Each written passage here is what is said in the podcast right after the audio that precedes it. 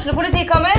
Ine Jansen er purk. Er du purk? The motherfucking bitch. Alt jeg vil, er å finne ut hva som skjedde med mannen min. Jon Carew. Er jeg sikta for noe? Iben Akeli. Det er du. Ole So, Lars Berrum og Big Daddy Karsten. Hvem sin side er du på, egentlig? Anette Hoff, Tone Danielsen, Kommer du fra Afrika? Jørnis Josef, Nesten. Kløfta. Trond Espen Seim, Det er synd å si det, men det var feil mann som døde. Purk. Premiere tirsdag på TV2 Play. Hei, takk for at du lytter til Søvnløs. Skulle du ønske at du kunne høre en ny episode av denne podkasten hver eneste uke? Vel, da er det bare å laste ned podkastappen Untold med en gang. I tillegg til ukentlige episoder av podkaster som Skrekkpodden, Truecrimepodden og Henrettelsespodden får du masse annet reklamefritt og eksklusivt innhold. Last ned Untold i AppStore eller Google Play, og start din 30 dagers prøveperiode i dag.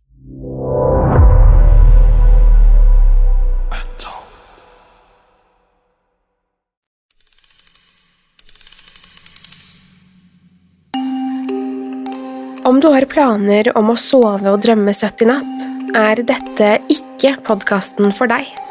Hvis du er lettskremt, lett påvirkelig eller har søvnproblemer, bør du styre unna akkurat denne. Om du likevel vil ta sjansen, eller er på utkikk etter en unnskyldning for å ikke sove, så har du kommet til rett sted. Om du velger å bli, er du herved advart. Velkommen til Søvnløs. God natt.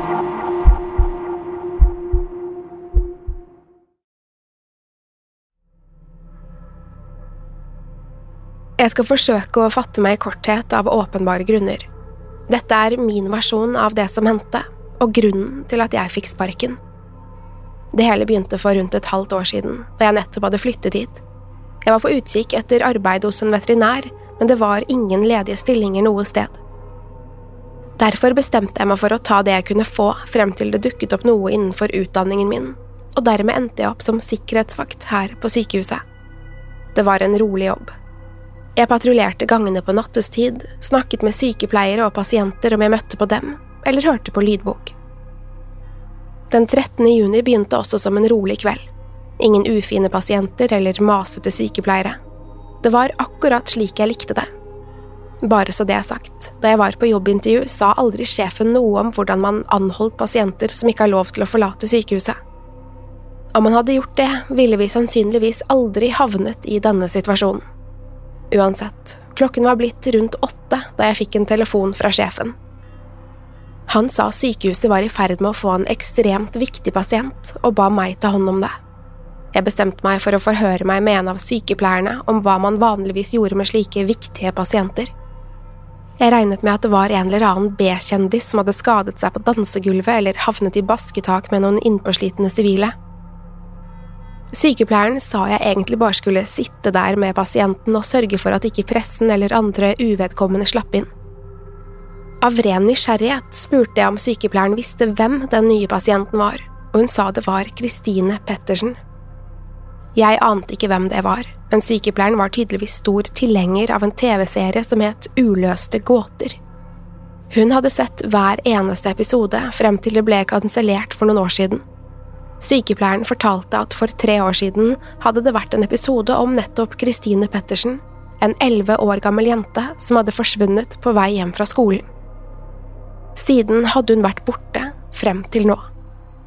Jenta hadde blitt plukket opp langs veikanten utenfor byen og tatt med til politistasjonen.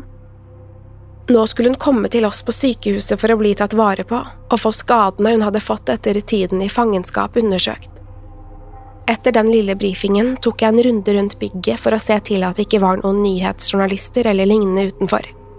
Politiet skulle visst ha villedet pressen ved å si at jenta skulle til et annet sykehus. Trikset hadde tydeligvis fungert, for det var ikke en journalist å se noe sted. Kort tid senere ankom Kristine og ble tatt med inn til undersøkelser. En bråte leger og sykepleiere svermet rundt henne, og jeg fikk ikke sett skikkelig på jenta. Alt jeg fikk, var små glimt. Hun hadde skittent, brunt hår som så mest ut som et fuglereir. Det var arr og merker på armene og bena hennes, og den høyre hånden hennes var knust. Det kunne nærmest se ut som den var blitt dyttet inn i en kjøttkvern. Benpiper stakk ut fra alle kanter, som nåler i en nålepute. Denne jenta hadde gått gjennom et helvete, det var det ingen tvil om.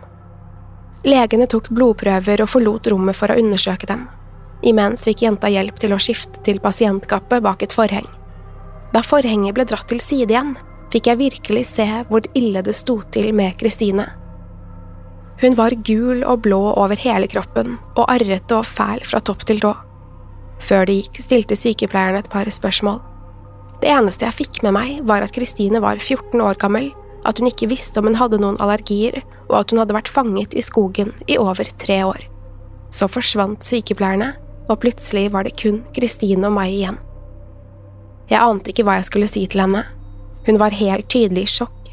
Jeg er ikke spesielt god til å konversere i utgangspunktet, så jeg prøvde å holde munn og ikke se på skadene hennes. Åpenbart gjorde jeg ikke en god nok jobb, for hun tok meg i å stirre på hånden hennes. Kristine løftet forsiktig på hånden og sa det hadde vært grusomt vondt. Jeg trengte ikke tvile på henne et sekund. Som veterinærstudent har jeg sett mye fælt, men dette var noe av det mest forferdelige. Med ett var det som om Kristine og jeg fikk en forståelse for hverandre, og med det gikk alle regler og protokoller ut av vinduet. Jeg begynte med å spørre hva som hadde skjedd i skogen. Til meg selv fortalte jeg at jeg gjorde det for henne. Jeg ville ha all informasjonen jeg kunne, slik at jeg kunne overlevere den til politiet og kanskje spare Kristine strevet. Hun så ned på den ødelagte hånden sin og fortalte at hun hadde knust den selv, slik at hun kunne vri den ut av håndjernet.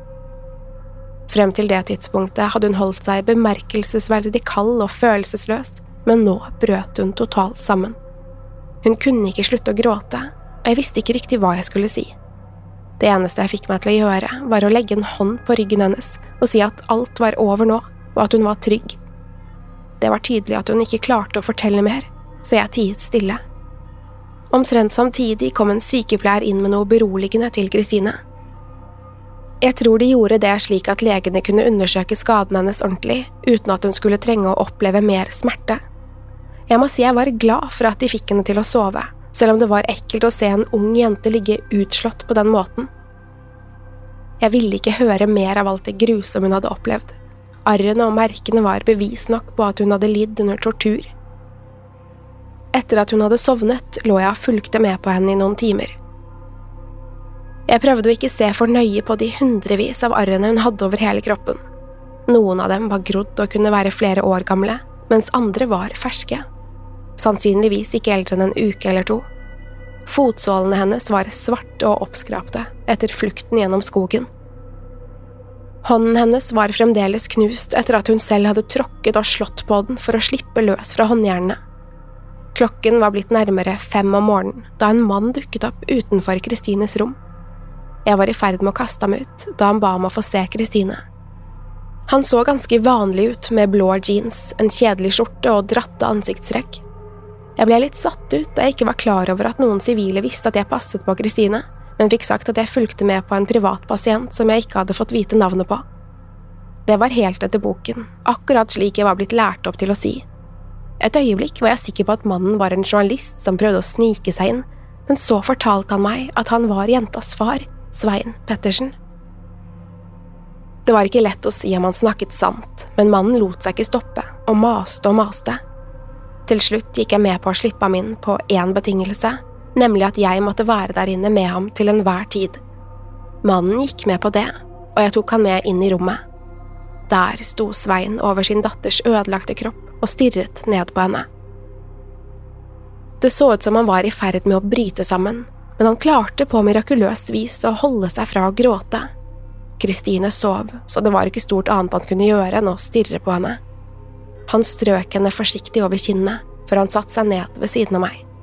En stund satt vi bare i stillhet og lyttet til Kristines pust. Så begynte Svein å prate til meg.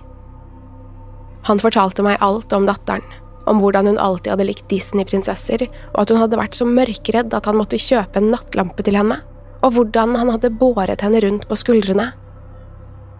Det var da han begynte å gråte. Jeg forsto det godt. Det var like før jeg begynte å tute selv. Svein begravde ansiktet i hendene og så mest ut som han sørget i en begravelse. På en måte gjorde han kanskje det. Datteren han hadde kjent, var for lengst død. Resten av livet kom Kristine til å leve med den traumatiske opplevelsen hengende over seg. Svein brukte et par minutter på å komme til hektene igjen. Han sa Kristines mor ville være der snart, så vi fortsatte å prate litt til. Jeg husker ikke engang hva vi pratet om, men det var tydelig at han trengte det. Jeg aner ikke hvor lenge vi holdt på, men det må ha vært en drøy time. Det eneste jeg vet, er at klokken nærmet seg halv åtte da Kristine plutselig begynte å bevege på seg. Svein spratt opp og fortet seg bort til datteren. Han strøk henne over kinnet igjen idet hun åpnet øynene. Så lente han seg ned og hvisket noe i øret hennes jeg ikke kunne høre. Jeg så bare hvordan Kristines pupiller utvidet seg marginalt. Etter hvert snudde han seg mot meg og sa at han hadde lovet å si fra til konen sin så snart Kristine åpnet øynene. Jeg bare nikket til svar før han forsvant ut, og igjen satt jeg alene med jenta. Omtrent samtidig gikk radioen i øret mitt av, og jeg kunne høre stemmen til sjefen min som ba meg komme ned. Han var på plass og skulle ta over vakten min slik at jeg kunne komme meg hjem. Jeg så en siste gang over rommet før jeg lukket døren bak meg og gikk rolig ned til vaktrommet hvor sjefen min allerede sto. Han spurte hvordan det hadde gått, og jeg fortalte at det hadde vært stille og rolig, med unntak av da faren hennes hadde kommet. Med ett stirret sjefen min på meg med forundring i blikket. Han sa at Kristoffer og Anna Pettersen ikke skulle komme før rundt klokken tolv den ettermiddagen. Planen var at legene skulle lappe Kristine sammen før gjenforeningen. Sannheten slo meg som en kanonkule i magen, som en fot som tramper på en fastlenket hånd. Jeg sprintet mot Kristines rom mens jeg unngikk leger, sykepleiere og pasienter i gangene.